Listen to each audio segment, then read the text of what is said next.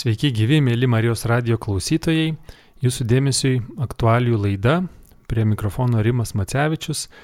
Šiandien laidoje kalbėsime apie e, minimą gedulo ir vilties dieną kiekvienais metais, birželio 14. Šią progą laidoje e, svečiuojasi Ramūnė Draučiūnaitė, Lietuvos gyventojų genocido ir rezistencijos tyrimų centro okupacijų ir laisvės kovų muziejaus vyriausioji muziejininkė. Ramūnė. Labą dieną. Taigi 1941 m. birželio 14-19 dienomis iš Lietuvos buvo ištrimta daugiau kaip 17 tūkstančių mūsų krašto žmonių. Šimet sukanka 80 metų nuo tų dienų. Ką galime pasakyti apie tuos tremimus? Tai buvo pirmieji masiniai trėmimai iš Lietuvos. Jie prasidėjo 1941 m. birželio 14 dienos 3 val. ryto.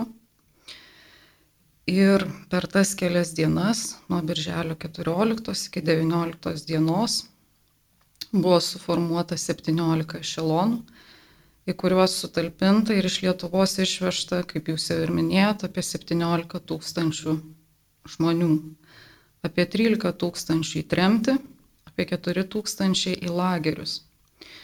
Tiksliai yra žinomas 12 331 tremtinio ir 3915 politinių kalinių likimas. 41 metų birželio tremtyje atsidūrė virš 5000 vaikų iki 16 metų amžiaus ir paauglių, ir kūdikių, ir tų, kurie gimė pakeliui vagone. Geležinkelio stotise nuo šeimų atskirti vyrai buvo išvežti į Komijos SSR, Arhangelsko, Gorkio, Molotovo, Sverdlovsko, Vologdos, Siričių lagerius, Kazachijos SSR ir Krasnojarsko krašto lagerius. Tuo tarpu šeimos nariai ištremti į Komijos SSR, Novosibirsko ir Tomsko sritis, Altajaus ir Krasnojarsko kraštus. Su šeimomis liko tik dešimtadalis vyrų. 82 žmonės tremties vietų nepasiekė, jie mirė pakeliui gyvuliniuose vagonuose. Iš tų vagonų tarpinėse stotelėse buvo išnešti ir artimieji iki šiol nežino, kur užkasti jų kūnai. Tuo tarpu 1941 m. rugsėjo spalio mėnesio oficialiuose SSRS NKVD ataskaitose buvo suskaičiuoti 12 682 tremtiniai iš Lietuvos, be suimtų ir išvežtų į lagerius. Ir šitas tremtinių skaičius buvo paskirstytas taip. Į Altajaus kraštą pateko didžioji dalis tremtinių, tai 7462 žmonės, į Komijos SSR šiek tiek daugiau nei pusantro tūkstančio, tai 1549 žmonės. Novosibirsko ir Tomsko srityse atsidūrė daugiau kaip 1500 žmonių ir iki 200 žmonių Krasnojarsko krašte. 42 metų birželį, galima sakyti, po metų Daugiau kaip 2800 lietuvių tremtinių iš Altajaus krašto buvo išvežti tikrai žučiai prie Laptevų jūros į Jakutijos SSR arktinių dykumų zoną. Ir rūpiučio mėnesį šitie žmonės iš baržų buvo išlaipinti Lenos upės deltoje esančio Mostacho, Titarų, Trofimosko, Stolbų salose, Bykovo kišulyje, Janus upės deltoje ir kitose negyvenamose salose. Ir šių tremtinių padėtis buvo ypač sunki. Nebuvo nei būstų, nei maisto. Baisus arktinis šaltis, badas, lygos ir tai lėmė iš tiesų šeimų mirtis. 41 birželio 14-19 dieną iš Lietuvos išvežti tremtiniai ir politiniai kaliniai į sovietų okupuotą tėvynę sugrįžo po 15 ar net 20 metų. Buvo ir tokių, kurie negryžo. Tuo tarpu 1981-1991 metais buvę tremtiniai, jų vaikai, anūkai vyko į tremties vietas parvežti mirusių artimųjų palaikų. Tai tokia ta birželio 14. 1941 metų trėmimai birželio 14-19 dienomis minėjote, kad buvo pirmieji. Prisiminkime ir kitus vykusius trėmimus iš Lietuvos, kas ir kur buvo trėmimi. Labai gaila, bet 1941 m. birželio trėmimai nebuvo paskutiniai. Ir trėmimai iš Lietuvos teritorijos buvo atnaujinti pačioje karo pabaigoje, tai 1945 m. pavasarį. Ir tuomet buvo siekiama ištremti taip vadinamų vokiškų fašistų šeimas, tremta į Tadžikiją. Jeigu, jeigu iš Altajaus krašto buvo tremiama prie Laptevų jūros į nepakeliamą šaltį, tai 45 metų balandį į Tadžikiją į nepakeliamą karštį. Kadangi baigiantis karui Lietuvoje kilo ginkluotas antisovietinis pasipriešinimas, geriau žinomas kaip partizaninis karas, imta tremti partizanų šeimas, ryšininkus, rėmėjus, ūkininkų šeimas, pogrindžio organizacijų kuriejus ir narius. Tremimai vyko ir 1945, 46, 47 metais. Tuomet remta į Molotovą, dabartinės Permės rytį, Sverdlovsko, Tiumenės rytis. Krašte pradėta vykdyti kolektivizacija buvo daug žmonių pasipriešinimo.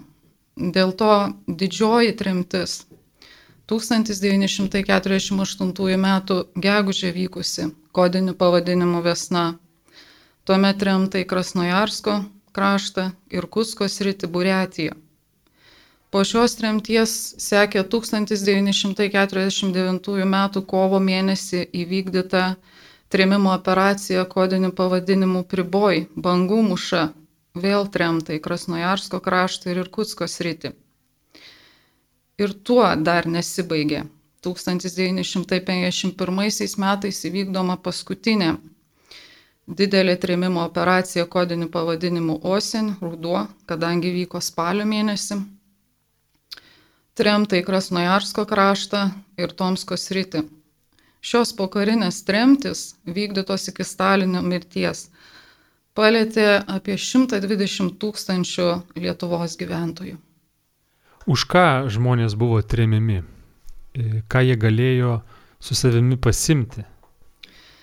Na, 1941 metais birželio tremtis jį palėtė visus gyventojų sluoksnius, tačiau labiausiai nukentėjo Lietuvos politikos, kariuomenės, valstybės saugumo ir teisės saugos struktūrų tarnautojai, politinių ir visuomeninių organizacijų vadovai ir nariai, sveikatos apsaugos, švietimo, kultūros ir kitų įstaigų darbuotojai, stambus ūkininkai, miškininkai. Kitaip tariant, pažangioji visuomenės dalis, kuri oficialiai buvo įvardinta kaip liaudės priešai arba socialiai pavojingi elementai. Liaudės priešais ir socialiai pavojingais elementais šitus žmonės padarė nauja okupacinė valdžia. Tuo tarpu pokaryje vykusios tremtis palėtė partizanų, ryšininkų, rėmėjų šeimas, pogrindinių organizacijų narių šeimas, stambius ir smulkius ūkininkus, kurie priešinosi kolektivizacijai. Visus tuos, kurie savo pasisakymais arba veiksmais vienaip ar kitaip neigia okupacinės valdžios teisėtumą. Dabar dėl to, ką galėjo su savimi pasiimti tremtiniai, labai priklausė nuo tos grupės, kurie ateidavo ištremti šeimą. Pirmiausia, tai buvo labai netikėta, ypatingai 41 metų birželio 14, kada vidury nakties įsiverždavo į namus ir skirdavo pusvalandį, valandą pasiimti būtiniausių daiktų, nepasakydami, kur veš. Retas, kuris išgirdo kad bus vežamas į atšiaurius rajonus ir kad reiktų pasiimti šiltų drabužių, šilto apavo. Labai dažnai 41 metų tremtiniai mini, kad duona buvo užmaišyta, tik užmaišyta ir kad galbūt atbėgęs kaimynas atnešė vieną kitą kepalą duonos. Oficialiuose instrukcijose trėmimų vykdymo Tai daiktų kiekis sviravo nuo 100 kg 1941 metais iki praktiškai pusantro tūkstančio kilogramų 1951 metais. Tai tuose tremtinių ryšuliuose galėjo būti ne tik kažkokie asmeniniai daiktai, kažkiek maisto, bet taip pat ragino pasiimti ir darbo įrankių, nes su tais darbo įrankiais jie nutremti į bet kurią tremties vietą Sibire, su tais įrankiais ir dirbo, nes įrankių ten gauti buvo taip pat labai sunku. Tai keliavo pjūklai, keliavo kirviai, kastuvai, smulkusis toks darbinis inventorius, kurį galėjo su savimi pasiimti. Kokiomis sąlygomis gyveno ir dirbo tremtiniai iš Lietuvos? Jų gyvenimo sąlygos labai priklausė nuo to, kokioje Sibiro dalyje jie atsidūrė. Ir nors buvo begalį įvairių instrukcijų, atvežtų į galutinę tremties vietą tremtinių niekas nelaukė. Jie būdavo apgyvendinami apleistuose sandėliuose, buvusiuose karo belaisvių barakose, kitose pašiūrėse, neretai savaitę pasistatė laikinas palapinės, laukdavo, kol bus nugabenti į galutinę tremties vietą. Ir galutinėse tremties vietose buvo priversti tą gyvenamą aplinką susikurti, galima sakyti, iš nieko. Todėl dauguma gyveno žeminėse, pusiau žeminėse, dalis buvo priimta pas vietos gyventojus, kurie tuo taip pat buvo labai nepatenkinti, nes jie buvo nuteikti, kad čia atvežti nusikalteliai ir kad negalima šitais atvežtais žmonėmis pasitikėti. 42 metais prie Laptevų jūros nutremti tremtiniai medienos turėjo tik tiek, kiek atsivežė baržose. Rūpjūčio naktis jau buvo minusinės, krito sniegas, reikėjo statytis e, taip vadinamas jurtas, jie statė iš statmenai sustatytų kartelių, Ir moteris ir vaikai plėšė ten esančią velėną ir, ir apdėdavo tas karteles, tą velėną, langų angas, į langų angas įstatydavo iškirstus ledo luitus, o, o plyšius visus užklyjuodavo tokia šlapio sniego košė. Ir ne veltui Dalė Grinkievičiūtė ir kiti tremtiniai šitas jurtas vadino ledo kapu, Vidury tokios jurtos buvo pastatoma perkirsta statinė, išvedama šioks toks kaminas ir to, ta statinė yra kūrenama. Ir tol, kol jinai kūrenosi, tol buvo šilta. Bet žinant, kad kildavo ilgalaikės pūgos, temperatūra nukrisdavo iki minus 50 laipsnių, reikia suprasti, kad išgyventi tokiomis sąlygomis tikrai buvo labai mažai vilties ir reikėjo nepaprastai daug e, valios ir, ir fizinių pastangų. Bet ilgainiui, sakykime, jau pokario tremtiniai atsidūrė centrinėje Sibiro dalyje, statėsi barakus, bet kiekvieno tremtinio tokia, galima sakyti, kaip ir svajonė buvo įsigyti arba pasistatyti savo, nors ir kuklų, bet savo namelį. Tai todėl šiandien mes matome Sibirė išlikusių daug tremtinių įkurtų gyvenviečių. E, tie pastatai yra statomi praktiškai iš medžio, viskas yra iš medžio, ir sienos, ir, ir, ir stogai. Na ir kuklus kažkokie daržiukai šalia to savo nuosavo namelio. Darbai taip pat buvo visi sunkus, fiziniai, priklausė nuo to, kur buvo nutremta. E, prie Laptevų jūros visi tremtiniai užsiemė žvejybą, ištisai vykdavo žvejoti. Centrinėje Sibiro dalyje buvo išvystyta didžiulė miško pramonė, todėl tūkstančiai tremtinių dirbo miško pramonėje, toliau e, reiškėsi kelių tiesimas, įvairūs sandėliai, ūkiai, daržininkystės, gyvulininkystės, patys įvairiausi sunkus fiziniai darbai su pačiomis primityviausiamis darbo priemonėmis, be jokių apsaugų, todėl labai nemažai žmonių žuvo darbo vietose dėl nelaimingų atsitikimų, ypatingai žvejyboje, dažnai nuskesdavo. Jeigu vykdavo miško kirtimai, dažnai užkrisdavo medis arba kitaip susižalodavo. Tai tų susižalojimų buvo pačių įvairiausių. Ir, ir šito žūtis tik tai didino tų netekčių skaičių. Reikia pasakyti, kad po to, kai pasiekdavo galutinė tremties vieta, praktiškai ko nesekančią dieną jau buvo formuojamos tremtinių brigados. Darbo neišvengė nei vyrai, nei moteris, bet buvo formuojamos ir paauglių vaikų brigados. Jie taip pat privalėjo dirbti. Visi atsidūrę Sibire privalėjo dirbti ir taip užsidirbti, na, tą duonos normą, kuri buvo tikrai išduodama pagal talonus. Kas palaikė toli nuo tėvynės atsidūrusius žmonės ir, ir kas neleido palūšti jiems?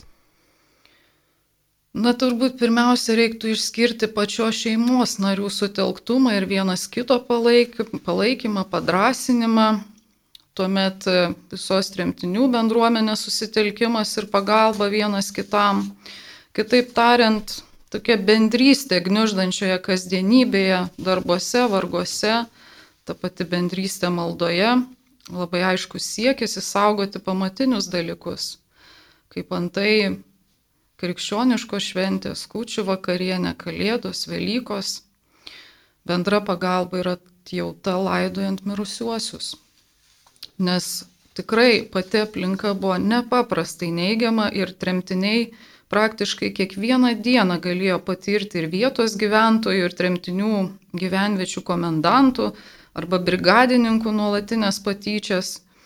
Na ir, ir tokius e, kasdieninius pažeminimus. To, tokio, buvo ta viena iš tokių priemonių gniuždyti žmonės, tai, tai būtent va, tokiom niekuo nepagristom, neapibrieštom priekabėm dėl darbo, dėl, dėl kitų dalykų.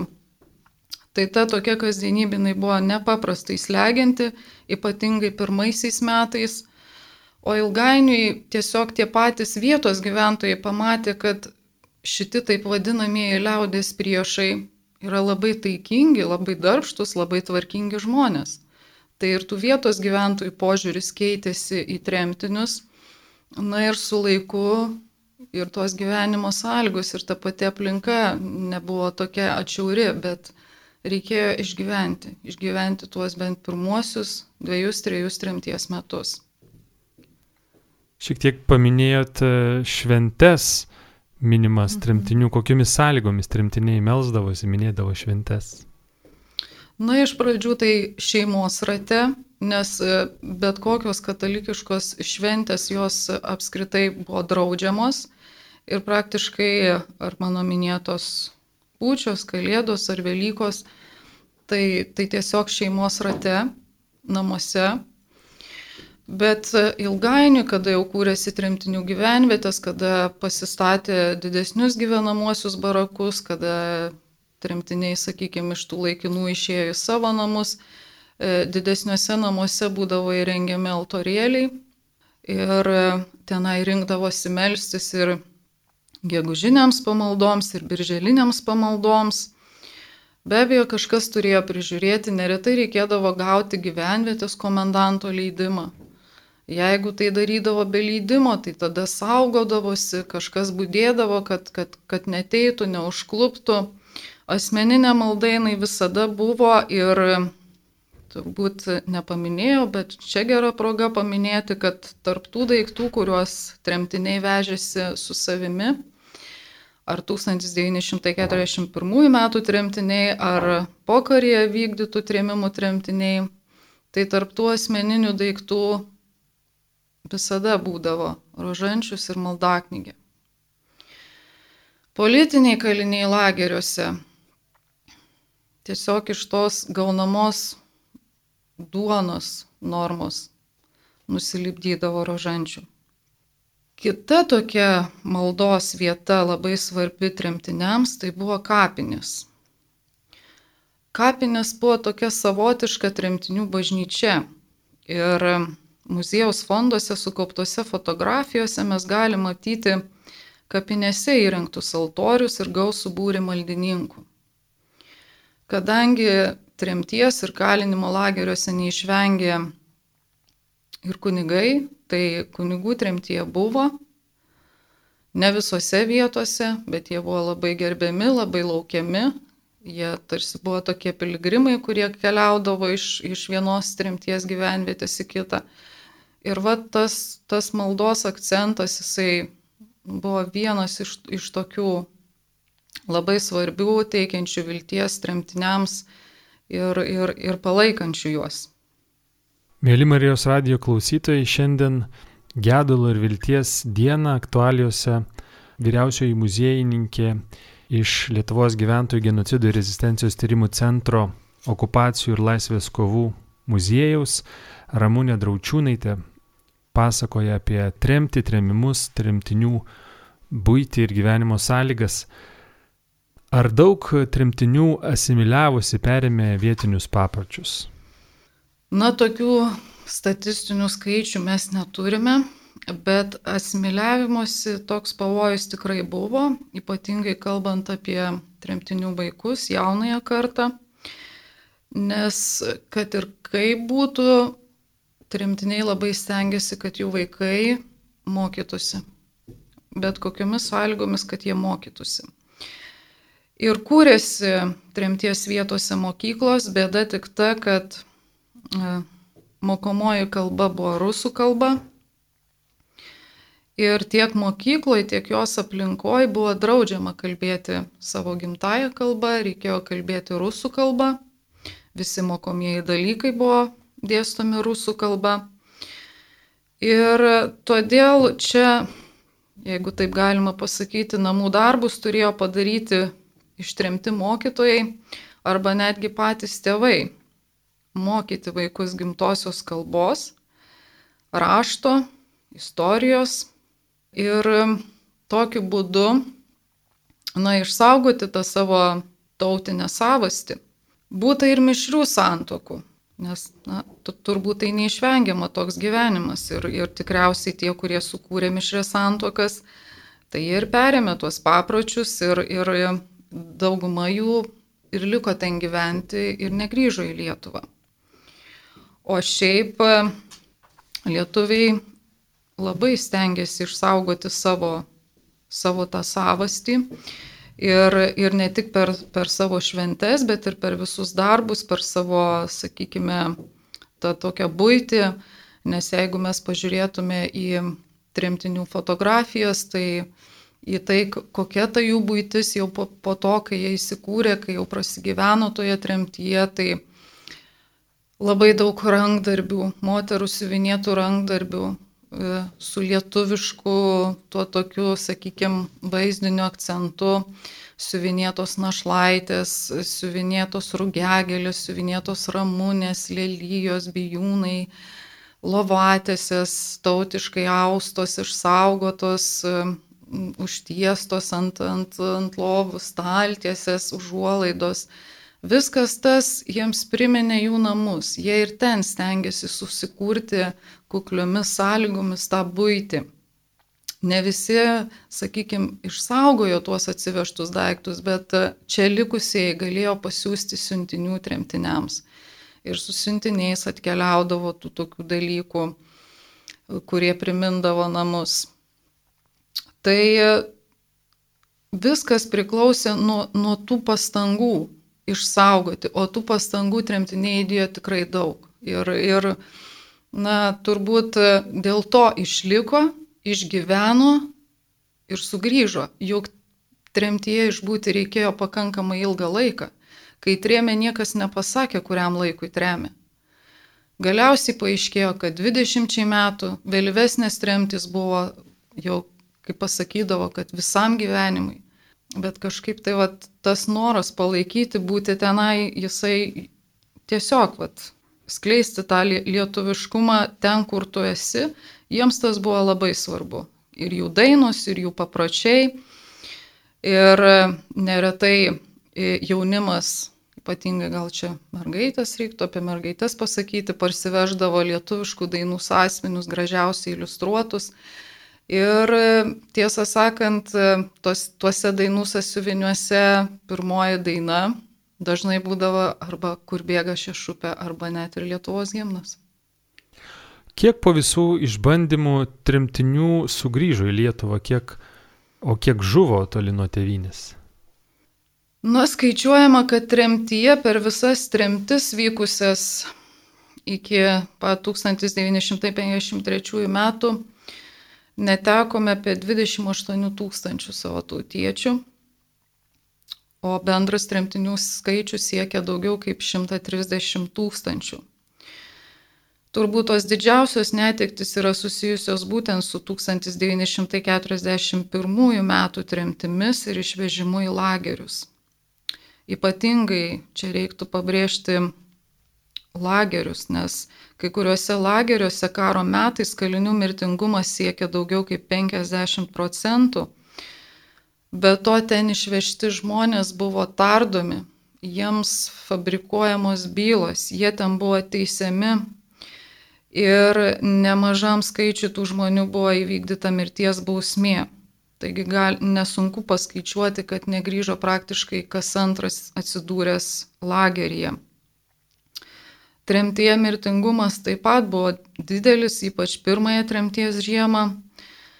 Na, o 1942 m. vasarą iš Altajos krašto prie Laptevo jūros buvo išvežta 2850 tremtinių po 15 metų ir vėliau iš tų tremtinių į Lietuvą sugrįžo tik 1448 žmonės. Tai nesunku paskaičiuoti, kad pusė. Pokaryje taip pat tremtiniams buvo labai sunku ir, ir mirtingumas e, e, taip pat buvo didelis.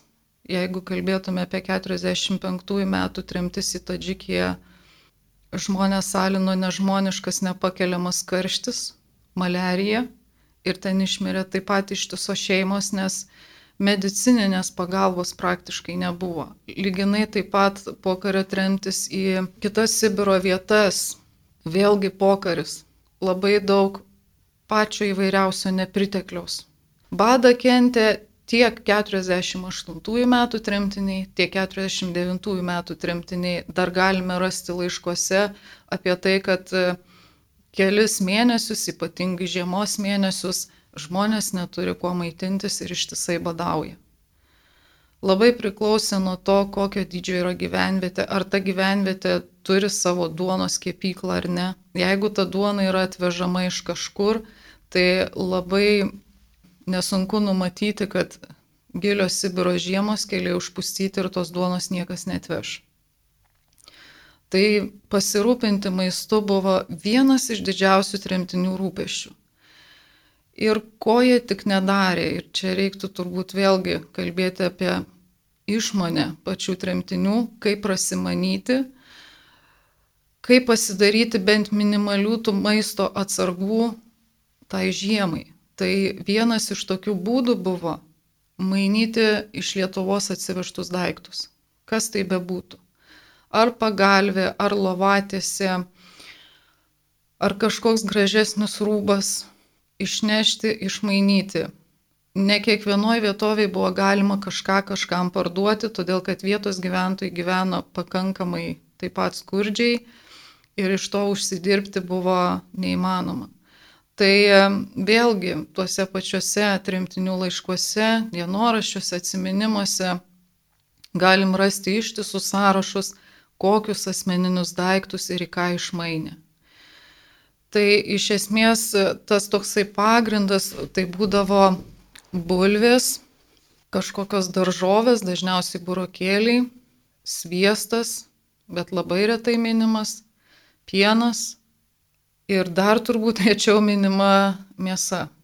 Tai tokie esminiai dalykai. Ir, ir dėl to, reiškiasi, dėl tos tokios nepilnavertės mytybos labai nusilpdavo tiek vyrai, tiek moteris, todėl kad dirbti reikėjo pilną darbo dieną. O dešimt ir daugiau valandų. Ir ne vieną kilometrą iki tos darbo vietos reikėdavo nueiti. Ir žmonės tiesiog silpdavo akise. Ypatingai pavasarį tas vitaminų trūkumas pasijusdavo. Na, tada, kada organizmas yra nusilpęs, prasideda įvairios lygos, įvairūs negalavimai, medicininė visa aplinka taip pat buvo nepaprastai skurdi. Ir ta medicininė pagalba, galima turbūt taip pasakyti, kad buvo apskritai labai tokia praktiškai primityvi. Ir, ir, ir neretai žmonės tiesiog stengiasi vieni kitiem padėti ir gydytis, kas kaip išmano. Kalbant apie grįžusius tremtinius, e, kaip jie buvo priimami savame, savame krašte, su kokiais iššūkiais susidūrė? Na, turbūt jeigu pasakysiu, kad savas kraštas nebebuvo savas, tai labai ir nesuklysiu. Nes savi namai, jeigu jie nebuvo sudeginti ar sugriauti karo metais, tai buvo užimti svetimųjų. Ir to svetingumo buvo tikrai mažai. Valdiškose įstaigose dažnai sulaukdavo raginimo įsineždinti per 24 valandas. Buvo sunku prisiregistruoti, o neprisiregistravus buvo sunku gauti darbą. Ir taip išeina toks užburtas ratas, į kurį pakliūna žmogus. Kiekvienas tremtinys iš Sibiro parsiveždavo išduotą pažymą, o toje pažymoje buvo, na, toks terminas, kad žmogus buvo spets pereselensas, reiškia kaip perkeltasis. Ir va šitas terminas, tas spets pereselensas, uždėdavo žmogui atitinkamą žymę, kad jis yra nepatikimas. Ir niekas nelaukė, ir tik tai artimųjų arba tų tikrųjų draugų pagalba pavykdavo kažkaip prisiregistruoti, kažkokį darbelį kažkur gauti. Buvo nepaprastai sunku. Maža to, 1957 metais Lietuvos SSR aukščiausiosios tarybos prezidiumas priėmė tokį įsaką, kuris apskritai draudė buvusiems Lietuvos Respublikos politiniams veikėjams ir antisovietinio pasipriešinimo dalyviams grįžti į Lietuvą nes tokie žmonės tebe buvo laikomi pavojingais esamai santvarkai. Apskritai tie, kurie atėjo į mūsų kraštą, jie nesitikėjo, kad išvežti tremtiniai pradės grįžti. Nebuvo to, taip sakant, numatyta jų perspektyvoje. Tai štai tie žmonės, jie galėjo, sugrįžę žmonės, jie galėjo papasakot, ką jie patyrė, Jie galėjo papasakoti, kas dėjosi Lietuvoje po 1940 metų prasidėjusios okupacijos. Jie daug žinojo ir jie buvo savi savame krašte, jie grįžta namo. O tokie žmonės okupaciniai valdžiai nereikalingi. Ką galime pasakyti apie tremtinių išleistus atminimus, jų dienoraščius? Tai labai gerai, kad tų atsiminimų ir dienoraščių yra išleista tikrai nemažai ir tai tebe vyksta iki šiol. Ir ypatingai vertingi išlikę autentiški dienoraščiai, nes jie yra tie tikrieji tų įvykių, taip sakant, čia ir dabar liudininkai. Tikrai reikia dėkoti tremtiniams, kurie atrado laiko, atrado tos, tų jėgų vidinių, to pasiryžimo dar kartą išgyventi tai, ką jie patyrė ir pasidalinti tuo su mumis visais ir rašyti savo, savo dienoraščius, savo atminimus, nes tai yra gyvas liūdėjimas to, kaip buvo su jais elgiamasi. Tai yra ta tikroji emocija, ypatingai kalbant apie autentiškus dienoraščius. Jie yra nepaprastai iškalbingi, mes iš jų sužinom nepaprastai daug informacijos, būtent apie jų, apie jų visą kelionę, ką jie patyrė kelionės metu, kaip vyko ta kelionė, tada kaip vyko jų gabenimas į galutinę tremties vietą, koks buvo požiūris juos, kaip jie kūrėsi, kaip buvo išnaudojami, kaip buvo tyčiojamasi, kaip žingsnis po žingsnio įgyjo pasitikėjimą ne tik tarp vietos gyventojų, bet ir tarp vietinių komendantų, brigadininkų, kitų valdininkų. Kaip tenai įsigyveno, kaip siekia mokslo. Galiausiai kaip sulaukė tos dienos, kada buvo pasakyta, jūs laisvi, kaip sugrįžo ir kaip vėl galima sakyti, nuo pradžių turėjo susikurti savo gyvenimą čia, Lietuvoje. Tai nėra geresnio liudymo už, už, už šitus autentiškus dienoraščius.